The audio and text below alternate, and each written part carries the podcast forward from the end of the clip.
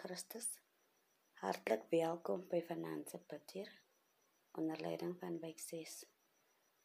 Ons glo en vertrou dat die woord wat vanaand gespreek sal word tot seën vir elkeen sal wees. Ons skriflesing kom uit 1 Samuel 17 vanaf vers 45 tot 47 met verwysings na Matteus 14 verse 25 tot 32 Matteus 15 verse 32 tot 36 asook Markus 4 verse 30 tot 32. Voor ons verder gaan kan ons net ons oë sluit. Ons Vader wat in die hemel is. Here ons kom sê vanaand vir baie dankie Here vir 'n dag wat U ons deurgedra het. Baie dankie Meester dat ons nog in u woning mag vertoef om na u woord te kan luister. Vader, kom stuur nou so u gees om ons ore te open, ons harte ontvanklik te maak en ook so ons gedagtes te vul sodat ons u woord kan inneem. Vader, ek vra dat ek dat u ook so my tong en lippe nou sal salf sodat ek net sal spreek dit wat u wil hê ek moet spreek. Vader, kom sien op alle verrigtinge wat nog vanaand sal gebeur. Ek vra dat alles in die heilige naam son wil met baie eer en danksegging. Amen. Ons skriflesing in 1 Samuel 17 vanaf vers 45 lees as volg. Maar Dawid sê vir die Filistyn: Jy kom na my toe met 'n dolk en 'n spies en 'n swaard. Maar ek kom na jou toe in die naam van die Here, die Almagtige, die God van die linies van Israel, wat jy verkleineer het. Vandag sal die Here jou in my mag oorgee, sodat ek jou kan verslaan en jou kop van jou lyf afkap.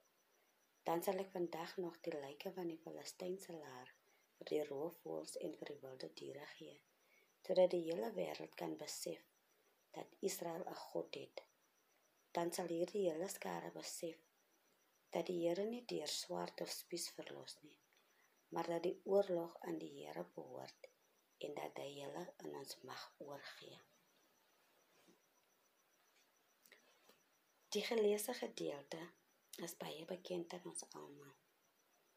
Hoe Dawid vir Goliat verslaan het. As ons na die verwysings kyk, handel dit eerstens oor hoe Jesus op die water geloop het tydens 'n storm en ook so vir Petrus genooi het om dit te doen. Hoe Jesus die broodjies en die visse vermeerder het en die skare gevoed het. En ook die gelykenis van die mosterdsaad. Al hierdie gedeeltes is vir ons baie bekend. Nou wil ek vir u sê dat van ons was al of het al te staan gekom voor 'n Goliat in ons lewens. Die reus van 'n probleem of situasie het so uitgetroon voor jou dat jy mismoedig geword het. Gewonder het of jy daardeur sal gaan en of jy dit sal oorkom of hoe nou gemaak. En of ander tyd het een van ons dalk deur 'n storm gegaan. Dan het jy ook gewonder hoe gaan ek aan die kant hierdie storm uitkom? Hoe sal dit wees? Gaan die storm my rondslinger? Of gaan ek nog staande wees as ek aan die kant uitkom? Van ons was seker in 'n situasie waar ons gewonder het of ons broodjies en visse genoeg sou wees om ons families te voed.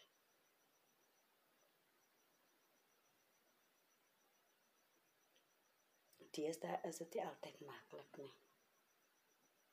Veral nie met die situasie in ons land nie. Sommige kere raak ons ongeduldig. Ons kies die maklike uitweg ons beraam 'n ander plan as die vorige planne uitgewerk het. He. Ons kyk na 'n logiese oplossing vir 'n sekere situasie of sekere omstandighede. Aan die een kant is dit foute, is reg. Maar in geestelike terme lyk dit of ons soms die onlogiese moet doen. Want Christendom is nie logies nie. Hoekom sê ek so? Ons glo in iemand wat ons nie kan sien nie. Ons veg daagliks teen ons ingebore emosies. En dan wil ons verlossing hê sonder om iets daarvoor te doen. As Christen moet ons die die ander wang draai. As iemand ook klap. Ons moet vir ons vyande bid en hulle self sien. Nog goed wat die sin maak he, of ja, sal ek sê nie sin maak he. Is dat ons as mens sal sê hoe groter die probleem is, hoe groter moet die geloof wees. Ons glo ons moet 'n groter boot hê vir die storm. En 'n groter kanon as ons oorlog moet voer. Maar God werk nie so nie, vriende. My familie in Christus. Christenskap blyk om sommige kere nie sin te maak. Maar vir my hang al hierdie goedjies aan een haak. En hierdie haak is geloof. David het toe sy probleem groter geword het. Het sy uitrusting kleiner geword. Want sy vir geloof en sy fokus was op God en in God. Hy het geglo dat die Vader wat hy aanbid om die krag sal gee om daardie reus te verslaan. Toe die wind te sterk geword het, het Jesus 'n groter boot opgetower. Mm -mm. Hy het toe sommer op die water geloop en vir Petrus ook genooi. Petrus aan die ander kant het toe so sterk geglo dat hy dit kan doen, dat hy die uitdaging aanvaar het. Maar toe hy sy fokus op die wind plaas en op die Here nie, het hy begin sink. Ek het my baie keer eers baie keer afgevra Maar hoe het Petrus teruggekom in die boot? Snaaks genoeg kon ek myself antwoord. Hy het teruggeloop omdat hy geglo het. God sal hom in staat stel om weer terug te loop tot in die boot. Sy fokus was toe op God en nie meer op die wind nie. Partymal maak dit menslik nie sin as jy met menslike oë daarna moet kyk nie.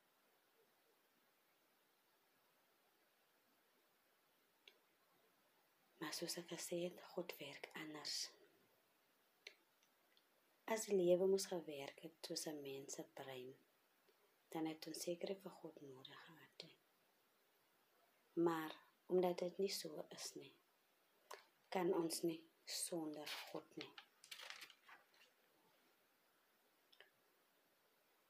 familie ek wil vanaand vir julle kom sê dat wanneer dit voel of die reus op jou afstorm met al sy wapens wanneer jou bootjie te klein lyk teen die storms en wanneer jy voel dat jou broodjie nie die dag weer sal strek nie dan is dit tyd om dieselfde pad te volg as ons Bybelse voorgangers los die swart. Klim met die boot uit en loop op die water. Gebruik wat jy het. Ja, ek het so 'n klein resepie. Stap spruit toe en kry jou 5 klippies soos 'n koning Dawid. Trek jou skoene uit vir 'n gemaklike waterstap soos 'n Petrus. pat jou broodjies en jou visse in jou huis. En dan draai jy dit alles toe met 'n klein bietjie mostersaad hallo. Ja, net 'n klein bietjie, moenie meer as dit gebruik nie. En dan wag en glo. Wag en glo. Want sien die Here werk nie soos wat ons werk nie. Die Here is almagtig. Hy kan baie meer doen as wat ons in staat is. Dit wat ek doen, gaan die menslike verstand te bowe. Want as ons kyk wat het van Dawid geword, Dawid het 'n koning geword. Wat het van Petrus geword? Petrus het 'n prediker van formaat geword wat het gebeur met die broodjies en visse. 'n Hele volk is gevoed. Wat kan van ek en u word? Ons kan wenners word. En God doen wondere. Met God aan ons sy ons is niks meer as oorwinnaars nie. Ons is wenners. Wenners teen elke stryd en elke aanslag van die duiwel.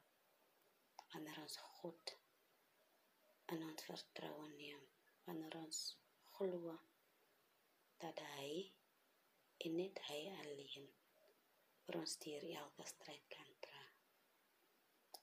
Amen. Kom ons sluit ons oë. Jesus groot beamoe. Dankie dat U altyd saam met ons is. Maak nie saak wat die omstandighede is nie.